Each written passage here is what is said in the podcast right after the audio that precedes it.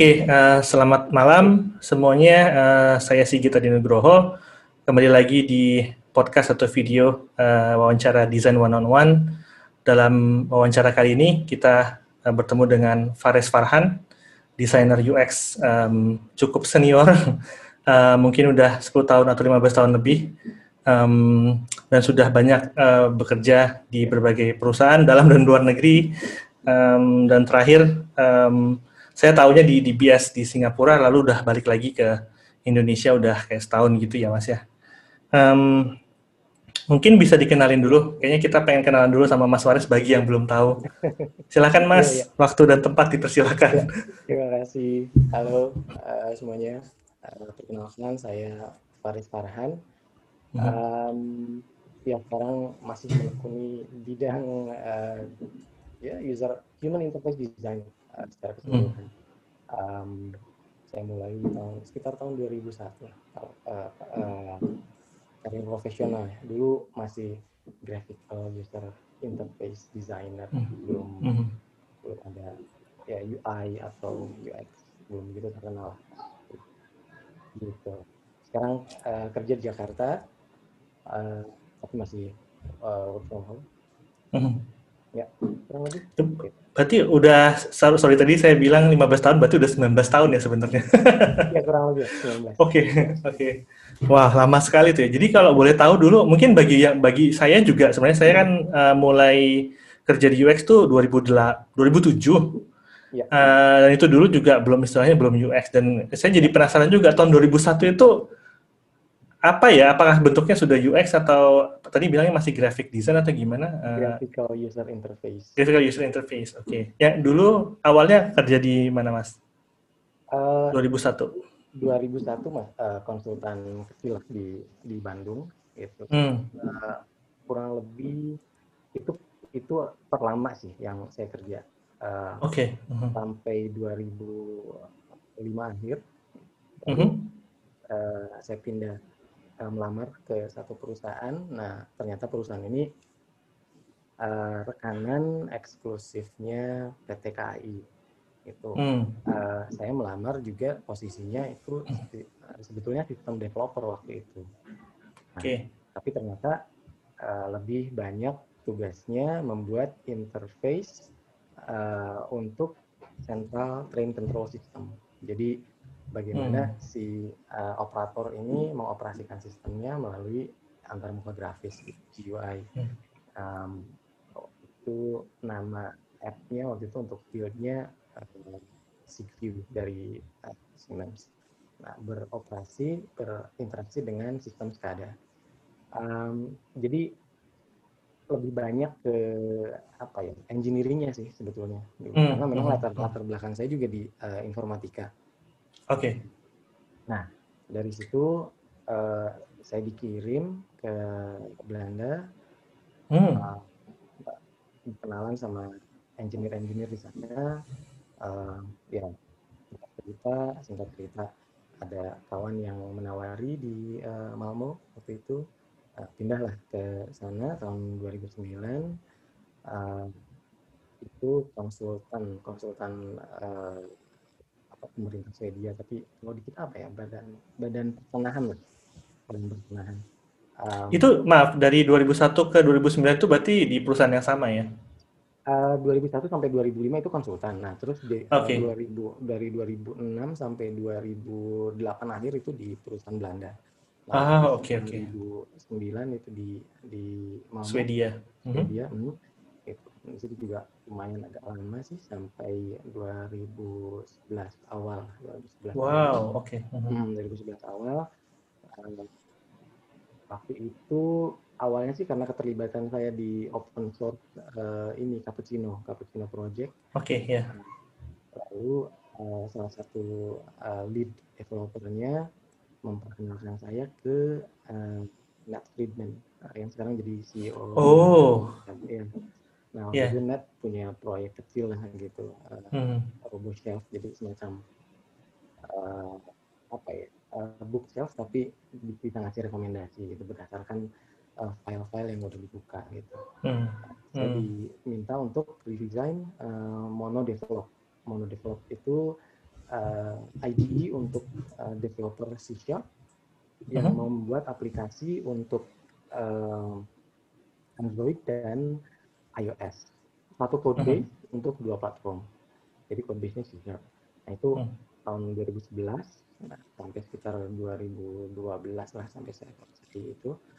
Uh, karena waktu itu juga uh, mereka ada ada rencana exit waktu itu Nah, tapi ternyata kan baru tahun 2016 ya diakuisisi sama Microsoft-nya. Yang kemudian si hmm. um, Mono Develop ini jadi Visual Studio Code sekarang. Oh, oke. Okay, okay. Hmm. Nah, 2000 karena karena waktu itu uh, sempat berkenalan juga dengan beberapa uh, ya di San Francisco kurang lebih segitulah itunya ya apa hmm. Uh, hmm. karena kebanyakan startup gitu kan di sana. Ya. Yeah. Hmm. Nah, akhirnya ketemu sama uh, Morgan uh, waktu itu Morgan Hood uh, dia di Dropbox waktu itu hmm. nah menawari juga gitu. kira-kira berminat nggak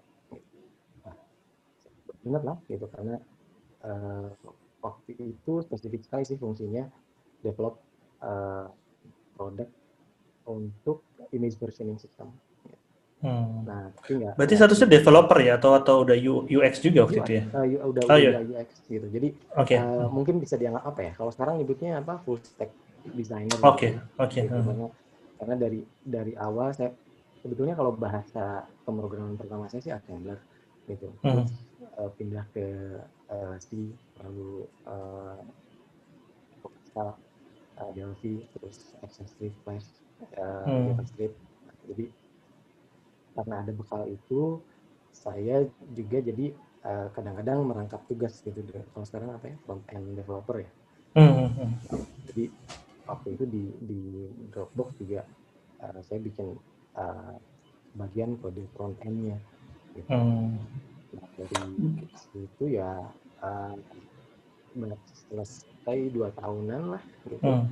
uh, pulang terus 2016 akhir ditawari hmm. di DBS gitu, sampai itu baru pulang ya hmm, ya. baru pulang dari San Francisco berarti ya hmm, hmm, hmm, oke oke oke berarti kalau total dari bentar tadi uh, di pertama itu di Belanda ya luar negerinya ya, ya. Hmm.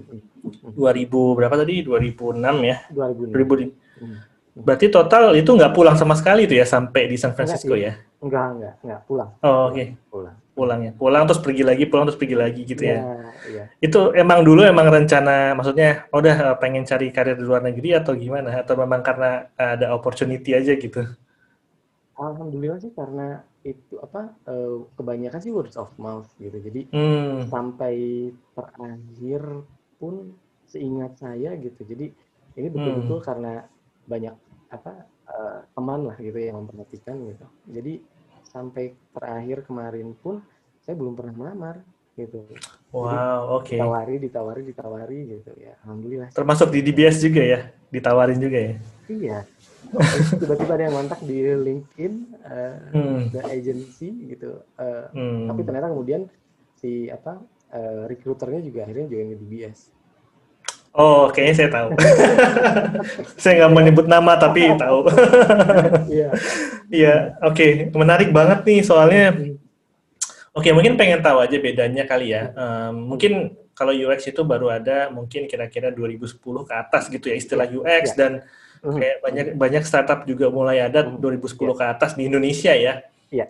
Um, Kira-kira apa sih yang membedakan dulu awal karir sama sekarang yang paling ketara gitu uh, dari sisi nggak tahu ya kerjaan uh, apakah dulu itu uh, memang UX itu belum ada sama sekali atau gimana? Ya nggak nggak kebayang sih mas. Ya ya. Kalau dulu sih uh, yang ada itu adalah uh, user centered design. Uh, hmm. itu istilah waktu zaman kuliah itu dari ya pertama disebut di textbook itu sekitar tahun 90-an lah user centered design ini. Terus hmm. tahun 94 95 hmm. ada uh, istilah human computer interaction. Yeah. Nah, jadi sampai ya sekitar tahun 2009 2009 itu kita yang paling terlihat perbedaannya itu adalah di prosesnya gitu. kalau dulu lebih banyak mau fokus di uh, apa ya craftsmanship lah gitu. Jadi uh, crafting features gitu. Mungkin hmm. uh, saya juga pernah uh, apa sedikit pernah repost atau like uh, salah satu status di LinkedIn ya. Dia dia bilang uh, kangen sama suasana dulu gitu. Di mana orang, orang desainer itu fokus hmm. oh Tobias Van Schneider ya? Tobias Van Schneider iya. Gak tahu gimana bilangnya tapi ya gitulah. Ya, ya kurang lebih gitu kan karena kalau sekarang ini seolah-olah di di apa jadi hmm. dibuat agak agak kaku dengan proses gitu kan? Agak kaku dengan hmm. proses. Kalau dulu kita seolah seolah berlomba-lomba untuk itu uh, casting gitu. Kalau dulu dari dari kode dari dari visualnya gitu.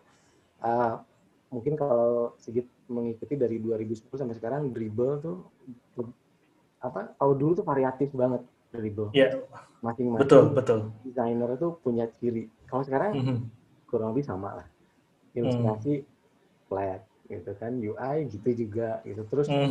kalau ada yang ngepost gitu ini prosesnya gimana kalau dulu ini menurut Mas Faras ini devolusi atau gimana atau gimana bilangnya? Bisa, Kayak, bisa, bisa iya. dibilang. Yeah. Kalau menurut saya sih, gitu ya, uh yang uh, karena karena uh, apa uh, sebagian diri saya ini apa uh -huh. uh, gitu. Saya saya hobi uh, mem, apa, bikin aransemen, hmm. terus bikin lagu juga gitu. Jadi itu kan sebagian besar art sense of ya bisa dibilang itulah gitu desain juga kurang lebih dulu gitu gitu tapi ada intersection karena karena background saya di di uh, engineering gitu jadi mm.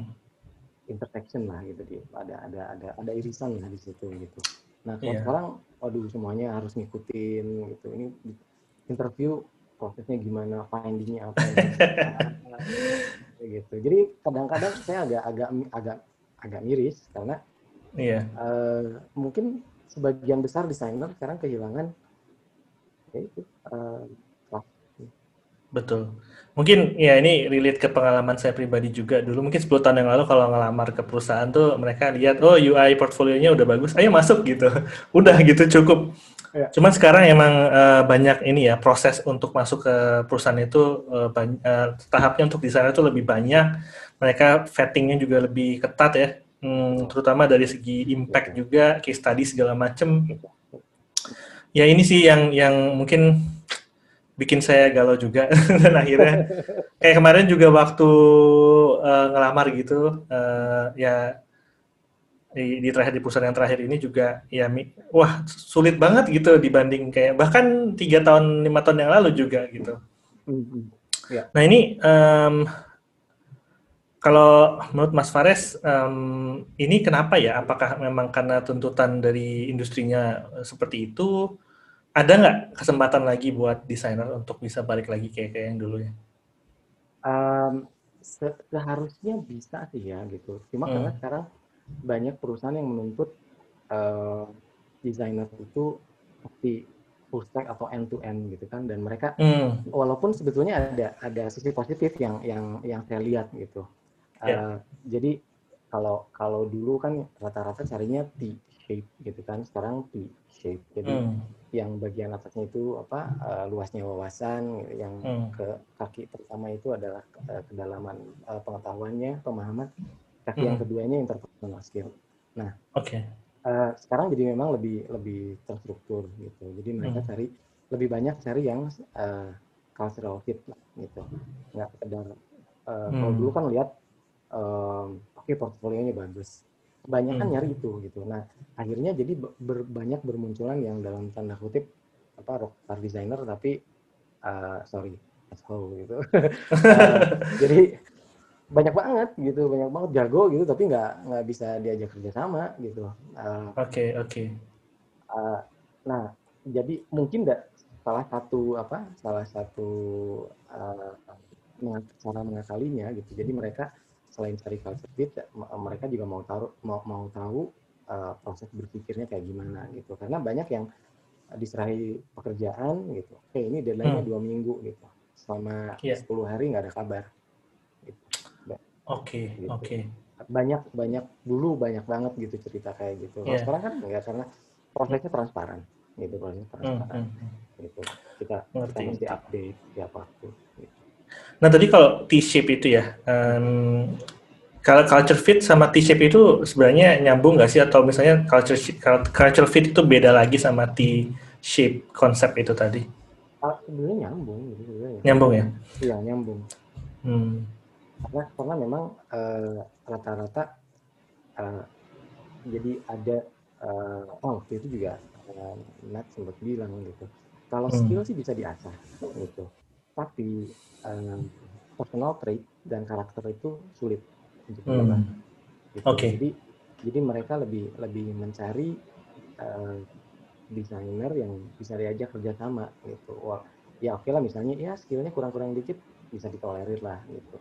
Hmm. Saya lupa hmm. uh, apa bu bukunya kita tapi kurang hmm. lebih ada dua apa sisi ekstrim lah. Yang satu yeah. friendly incompetent, yang satu lagi ya itu gitu. Uh, tapi nggak bisa di ya kemarin kemarin saya juga lihat tuh ada yang nge-post di Twitter uh, siapa ya lupa sih jadi kayak kalau hiring itu uh, personality jadi ada ada tiga tiga kolom gitu yang paling mudah diubah sebelah kiri yang paling mudah di yang yang yang bisa diubah tapi mungkin lebih susah terus habis itu ada juga yang sangat sulit diubah itu yang sangat sulit diubah itu ya kayak tadi itu personal trait yeah. culture fit kayak gitu-gitu yeah. tuh uh, mungkin semakin experience orang semakin sulit ya. Mm -hmm. Oke, okay, ini kalau misalnya nggak tahu nih, ini pengen nanya aja kalau misalnya yeah. sekarang Mas Fares hiring designer, yang dicari apa sih? yang pertama itu, yang pertama itu uh, uh, yeah. culture fitnya gitu, terus culture fit, uh, oke, okay. ya culture fit, terus hmm apa dia itu, itu maaf gimana tuh? Asesnya gimana? Kan kalau interview kan uh, agak susah tuh mas ya? Ya Jadi, ya uh, ya ya uh, biasanya sih saya tanya uh, kegiatan selain uh, mendesain itu hmm.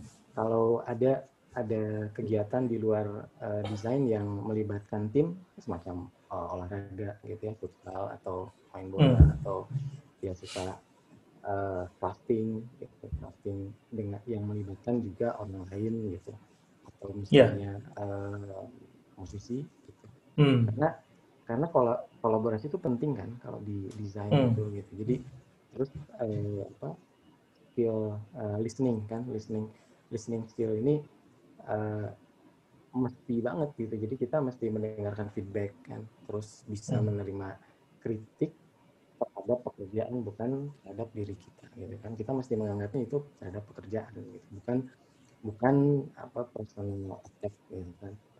Uh, masih banyak yang kurang bisa menerima gitu.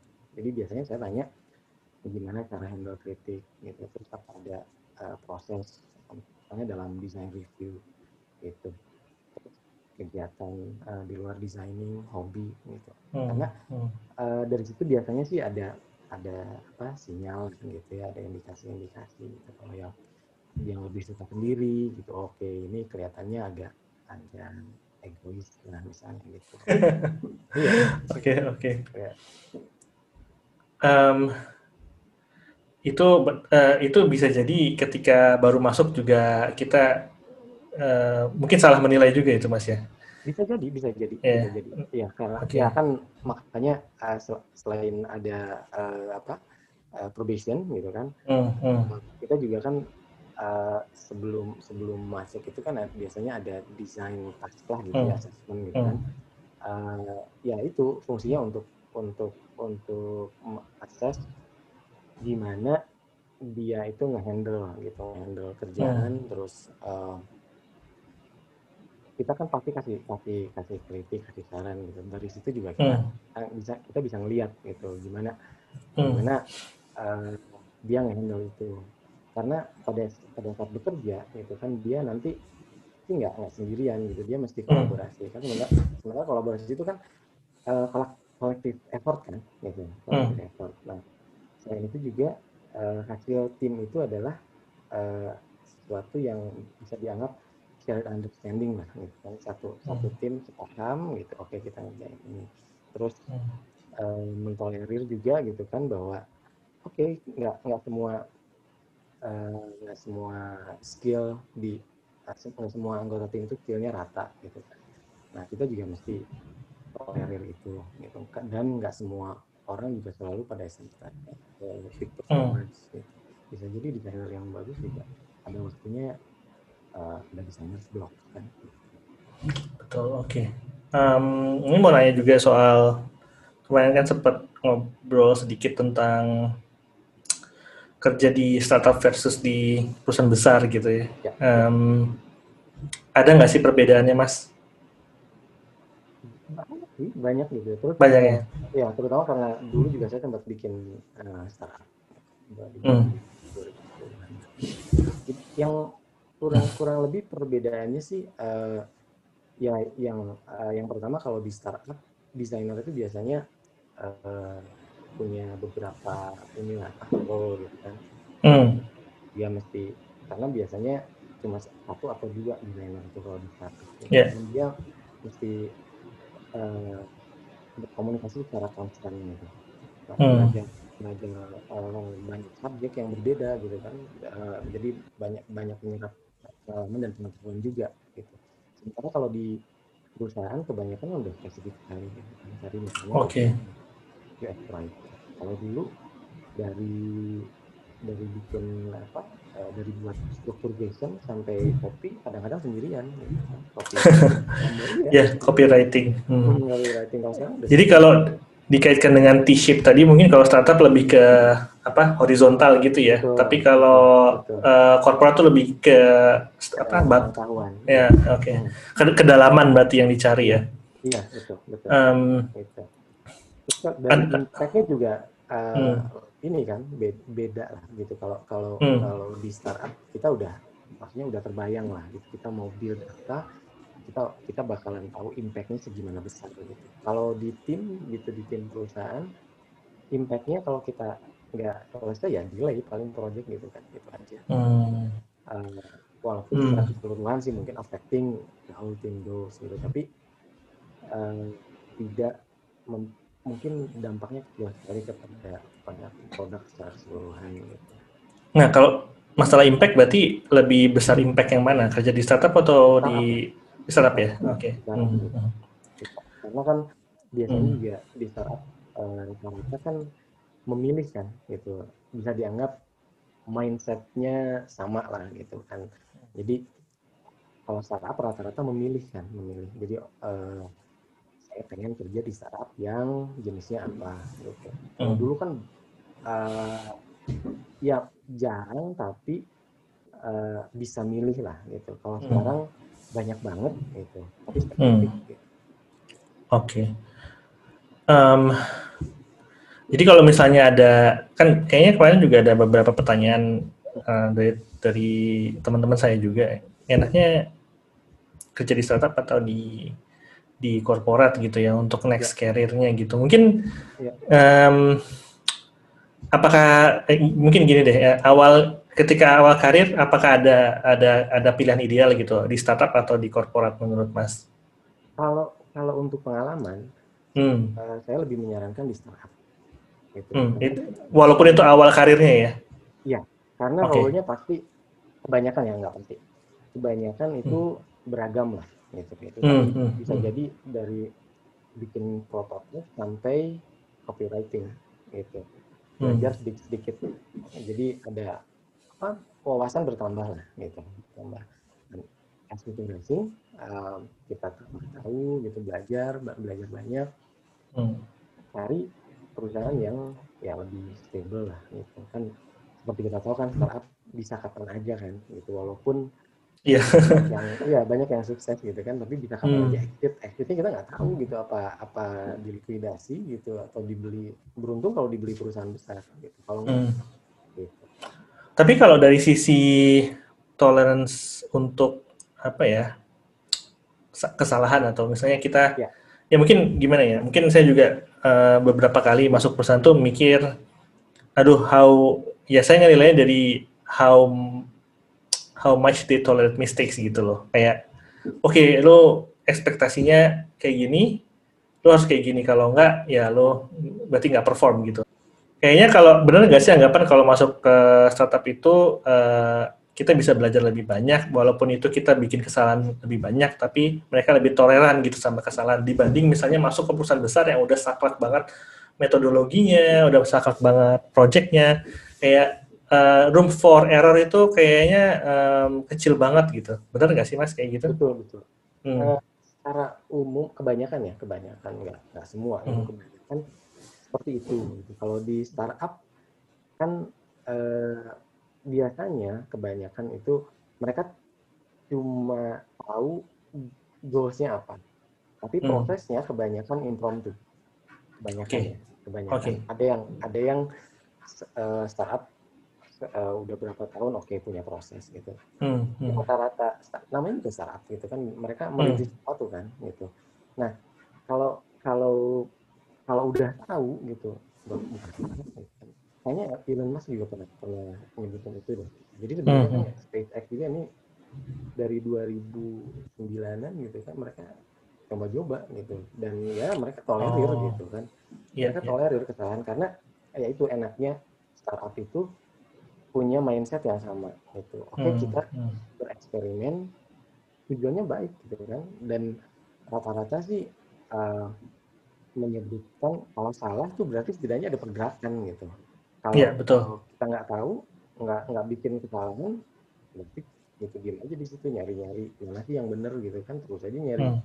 nyari referensi atau atau gimana orang lain gitu ya berarti ngekor kalau gitu hmm. banyak kan sih gitu jadi hmm. dan dengan gitu juga yang saya lihat sih biasanya eh, di startup startup itu dengan dengan apa toleransi yang tinggi jadi mereka fokus ke hal-hal yang yang yang positif gitu. Gitu hal yang positif. Jadi ada developer yang uh, cepat banget produce uh, ininya fiturnya oke okay, tapi nggak terstruktur gitu. Nah hmm. Nah, itu tugas uh, teman satu timnya gitu yang yang yang uh, apa menutupi kekurangan itu gitu. Jadi uh, startup lebih lebih terasa seperti apa ya band gitu makanya eh, band iya iya itu iya. seperti band lah gitu karena hmm. uh, karena kecil orang apa uh, kumpulannya gitu terus hmm. tiap orang itu merasa punya peran penting gitu kan merasa hmm. punya peran penting dan nggak semua pengen jadi frontman gitu. Karena kalau semua jadi frontman ya udah aja bikin boy band ya kan. Betul betul. Oke. Okay. iya menarik banget tuh mas. Um, apalagi ya? Um, kalau dari stress level mungkin kayak stress level work life balance itu mungkin bisa sama ya nah, antara startup sama, ya. sama corporate sebetulnya malah kalau kalau dari hmm. kalau kita sih uh, mungkin sama tapi beban hmm. uh, apa moral itu hmm. lebih tinggi di startup gitu karena kita diberi tanggung jawab iya diberi tanggung jawab yang besar sebetulnya gitu kan Iya. Untuk untuk menjalani beberapa role itu. Hmm. Kalau di oke okay, uh, eh, mungkin kayak stakeholder management gitu. Kalau misalnya di corporate kayaknya kesannya wah banyak banget stakeholdersnya gitu. Manage-nya kayak gimana? Ya, di startup juga gitu nggak sih mas? Rata-rata enggak ya? Rata-rata flat gitu kan. Hmm. Uh, saya ingat uh, di salah satu perusahaan yang saya kerja. Hmm. Oh untuk approval itu sampai ada lima layer. Hmm. Layer. Jadi padahal itu juga uh, apa perubahannya juga nggak terlalu apa ya nggak terlalu signifikan gitu. Nah tapi kalau kalau di startup uh, kita bertanggung jawab atas keputusan kita sendiri gitu kan. Jadi ownership-nya yeah. itu sekaligus tanggung jawabnya juga besar gitu. Oke. Okay. Jadi mereka menuntut cepat kan kalau startup. Oke. Okay.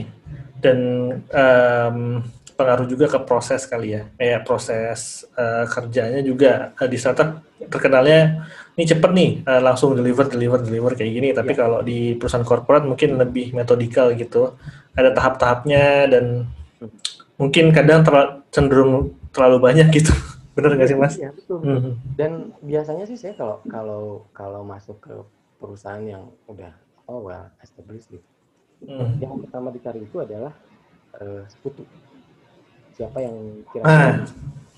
bisa support hmm. kerjaan saya di sebagai desainer gitu. Karena kalau ini gitu, ini sekutu nih gimana mas maksudnya? Apakah uh, nyari temen yang bisa selalu backup gitu. Apakah itu manajer atau bisa yang lain juga gitu? Bisa bisa bisa bisa apa uh, temen di tim lain kan seperti kita semua tahu kan produk itu hmm. ada tiga pilar kan. Uh, yeah. bisnis dan teknologi gitu. Ya kita terus itu di antara dua ini di bisnis dan teknologi. Gitu. Okay. Siapa yang sportif, gitu. uh, siapa yang mereka biasanya sih di teknologi, biasanya sih di hmm. teknologi. Hmm walaupun secara strategis lebih penting di bisnis. Gitu. Hmm. hmm, hmm Karena hmm, biasanya kan pada akhirnya uh, tim bisnis lah yang punya punya apa uh, keputusan walaupun kita kontribusi juga kan ngasih pandangan gitu tim desain dan tim teknologi tapi mereka yang tahu budgetnya segimana kan sumber daya segimana gitu terus uh, apa deadline-nya gitu. kebanyakan sih ya secara strategi tim bisnis gitu yang yang memegang itu. Jadi biasanya saya cari yaitu itu di tim bisnis yang kira-kira support kalau saya uh, apa punya keputusan saya bisa ajak diskusi gitu orangnya terbuka gitu. Tapi kan kalau tiap project itu kan beda-beda ya orangnya biasanya. Nah, kalau eh, berarti setiap berarti LA-nya harus harus banyak juga dong ya? Iya, iya. ya cari okay. cari cara lah macam dari ngajak hmm. uh, ngopi gitu. Oke. Okay. Menarik menarik. Oke. Okay. Ya, Jadi ini kayaknya uh, ini juga menarik buat saya karena hmm. berapa kali di perusahaan besar juga hmm. uh, kayaknya allyship ini jadi suatu hal yang penting kayak hmm. uh, kalau dipikir dulu uh, orang tua kita dulu ya uh, kamu harus baik-baik istilahnya tipsnya gitu ya kamu harus baik-baik sama orang kamu kerja kamu kerja bareng gitu kan kamu bikin uh, apa uh, bangun uh, hubungan yang baik, relationship yang baik Betul. sehingga ya. nanti gampang gitu. Kalau misalnya ada urusan gitu nih masih berlaku ya ini ya. sampai sekarang. Ya. Hmm, Oke. Okay. Masih masih gitu. Karena ya kan apalagi sepertinya sih kalau kalau kalau sekarang nih apalagi uh, ya sekarang saya ngobrol sama Sigit kemungkinan hmm. yang dikenal begitu gitu juga lah gitu ya agak gitu kan ya iya betul betul gitu nah jadi kalau misalnya ada kejelekan ya pasti sebar lah gitu kan dan hmm. jadi ya betul gitu kita nggak pernah tahu kan kita butuh pertolongan siapa Iya betul betul sekali dan itu allyship itu mungkin juga nggak cuma di perusahaan tersebut tapi juga di luar perusahaan tersebut. Iya iya benar. uh, menarik banget ini mungkin apakah benar ya uh, uh, ketika di setiap perusahaan yang kita baru masuk waktu baik itu startup ataupun perusahaan besar itu emang pertama kali kita harus bangun relationship itu ya pertama ya. ya. Walaupun sama satu orang gitu yang pertama kali kita betul. kenal gitu betul ya. Hmm, Um, Oke, okay. apalagi ya? Um, mungkin oke okay, uh, eh, dari sisi oke okay, mungkin preferensi pribadi Mas Fares juga. Um, ya kerja di startup atau di perusahaan besar? Startup yang besar. oh oke. Okay. Oh iya ini ini uh, belum belum uh, ini belum jelas juga. Apakah startup dan perusahaan besar itu kontras atau apa titik A dan titik B atau di tengahnya ada titik-titik lainnya sih mas? Ada ya? Ada sih ada gitu kan kayak. Oke. Okay. Spotify kan startup besar, Dropbox hmm. juga startup besar gitu. Jadi itu kayak culture nggak sih? Kayak walaupun perusahaannya udah kayak ya Shopify misalnya tujuh ribu orang gitu, tapi ya. bisa ya spiritnya ya ada yang banyak yang klaim ya kita perusahaan ya. besar ya. tapi kita ya. spiritnya masih startup gitu, itu bisa ya seperti itu. Sejauh sependek pengalaman saya sih bisa gitu bisa hmm. gitu karena uh, waktu di Dropbox juga uh, masih masih kurang lebih seperti itu uh, hanya hierarki hampir hampir flat gitu. Memang ada manajer gitu, tapi udah itu aja. Mm. Mm. Keputusan banyak yang uh, diambil secara otonomi gitu dan mereka betul-betul apa bertanggung jawab atas keputusan yang diambil itu. Gitu. Jadi nggak nggak banyak uh, apa hierarki birokrasi apalagi aktif politik gitu. I see, oke. Okay. Tapi itu mungkin Dropbox tahun berapa kali ya? Mungkin sekarang ya, udah. Iya, sekarang udah. Ya? Nah, sebetulnya waktu itu juga pada saat uh. karena uh, hmm ya lupa sih ya Sole, Soleyo masuk dari uh, Facebook Alright. jadi yeah. um, banyak yang merasa uh, gayanya berbeda lah gitu dalam memanage tim jadi hmm. itu hampir setengahnya tim desain itu resign Oh. Waktu Soleil masih. Karena mereka lebih senang sama ya, manajer yang lama ya. Hmm. hmm. Ya karena kan uh, kalau saya juga lupa lagi uh, siapa yang ini, tapi di salah satu buku itu uh, uh, Harvard Business School itu people don't leave jobs, people manage. Oh, Oke. Okay. And people go for managers karena kebanyakan manajer pergi ke mana mereka ikutin gitu ya. Betul, betul. betul. betul. Sebetulnya itu waktu waktu uh, saya balik ke Indonesia juga waktu mau dari Jakarta sempat diajakin sama former manager gitu dan pengen hmm. banget karena saya ngerasa manajer saya waktu itu benar-benar suportif gitu. Di Indonesia nih mas? Uh, enggak. Uh, oh. Pindah, iya dia pindah pindah dari waktu itu ke dari Singapura ke Hongkong. Hmm.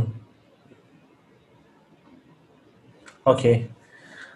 Um, ini saya punya dua pertanyaan lagi. Mungkin ya. mudah-mudahan sih nggak terlalu panjang. Yang uh, yang yang pertama mungkin kan Mas Faris juga pernah jadi manajer ya.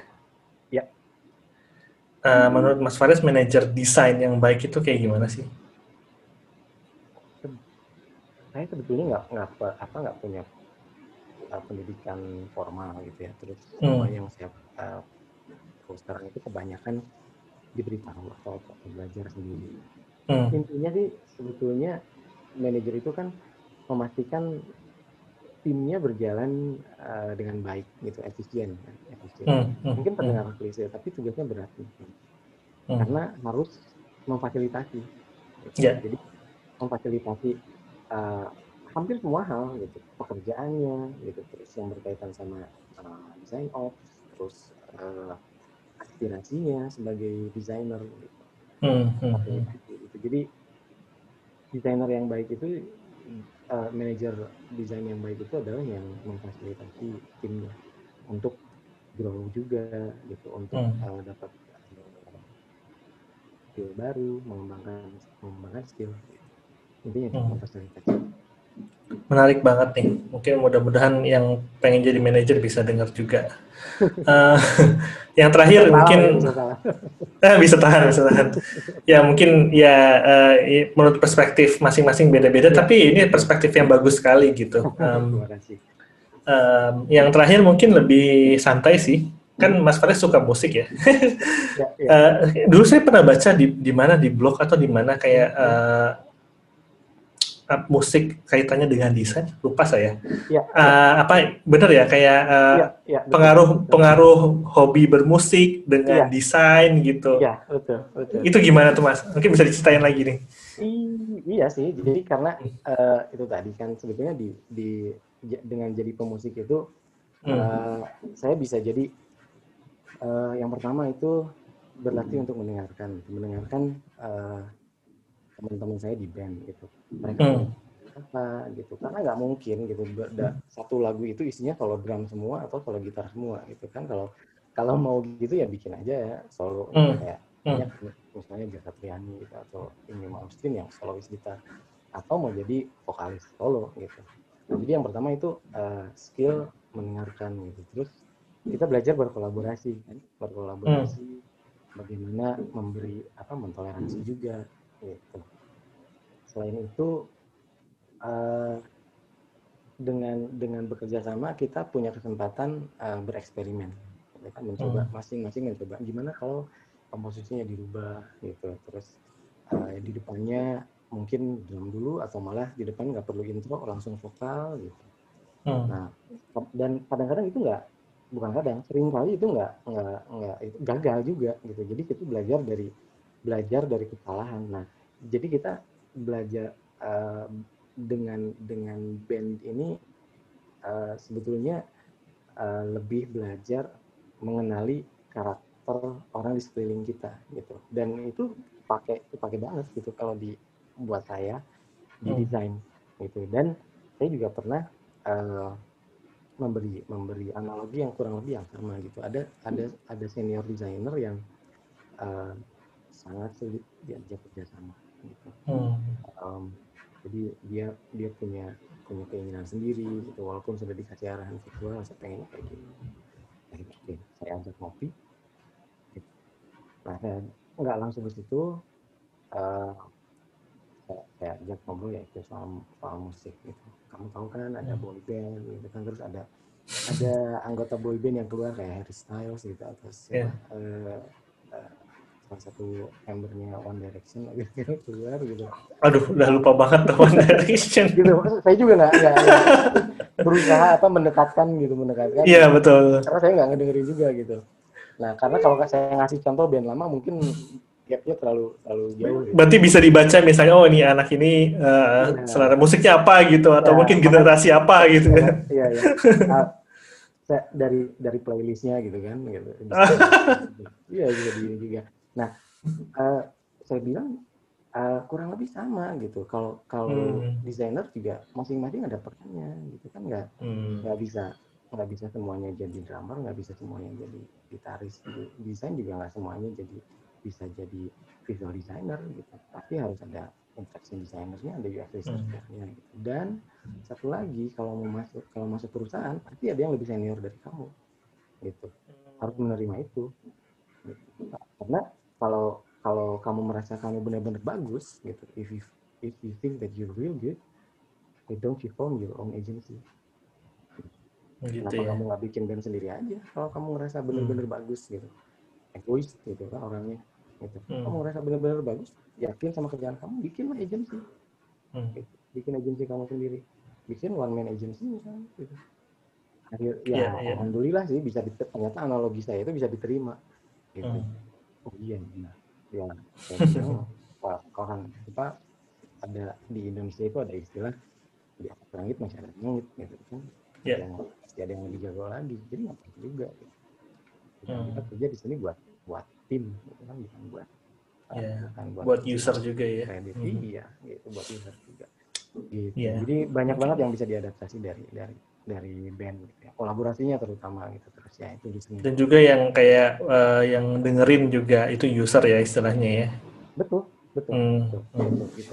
nah cuma memang ada ada sedikit perbedaan lah di situ kadang yeah. kalau misalnya band band-band indie kan mereka idealis gitu idealis bisa dianggap itu agensi yang dicari gitu kan agensi desain yang dicari sama sama klien gitu. tapi kalau band yang udah sign kontrak sama uh, label pasti ada music director yang mengarahkan yang hmm. musiknya jangan terlalu gila lah aransemennya sederhana dikit lah Nah, ini kayak ini BOD ya kalau di startup ya, board of the eh, board of director atau apa gitu ya. Lebih gitu. Intinya steering committee lah. Yang steering committee. Iya, stakeholder ya, stakeholder. Iya. Tadi lupa kalau di startup stakeholdernya ya itu pemegang iya. saham ya. Betul. Iya. Oke, ini ya ini makasih banget Mas Fares. Eh, kayaknya kita udah Sama. ngobrol banyak dan ya menarik banget menelusuri pengalamannya Mas Fares dari awal sampai sekarang. Bedanya mungkin banyak yang nggak tahu juga, bahkan saya sendiri juga nggak tahu dulu 2000 awal kayak apa dunia UX ya. Terus um, tantangannya di apa ya selama ini juga, terutama di perusahaan ya startup sampai korporat juga. Ini ya. kayaknya jadi jadi inspirasi buat semuanya gitu. Kita juga ngelihatnya Mas Fares nih nggak tahu bilangnya gimana sesepuh atau gimana? Karena karena karena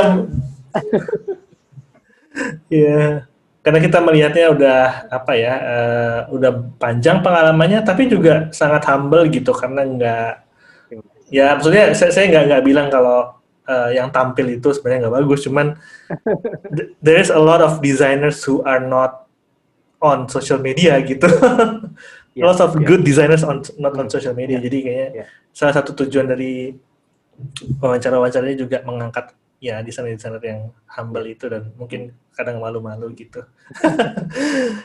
Makasih banget Mas Fares. Uh, mudah-mudahan um, yeah. ya diskusinya malam ini bisa di, bisa bermanfaat buat semuanya ya Mas. Amin. Amin. Ya, mudah-mudahan. Oke, okay. ya. ya nanti kita uh, ngobrol lagi ya kapan-kapan. Um, terima ya. kasih banyak. Uh, tetap sehat ya Mas. Amin insya Allah. Take care ya. Oke. Okay. Ya. ya, makasih banget Mas Fares. Selamat malam. Ya, selamat malam.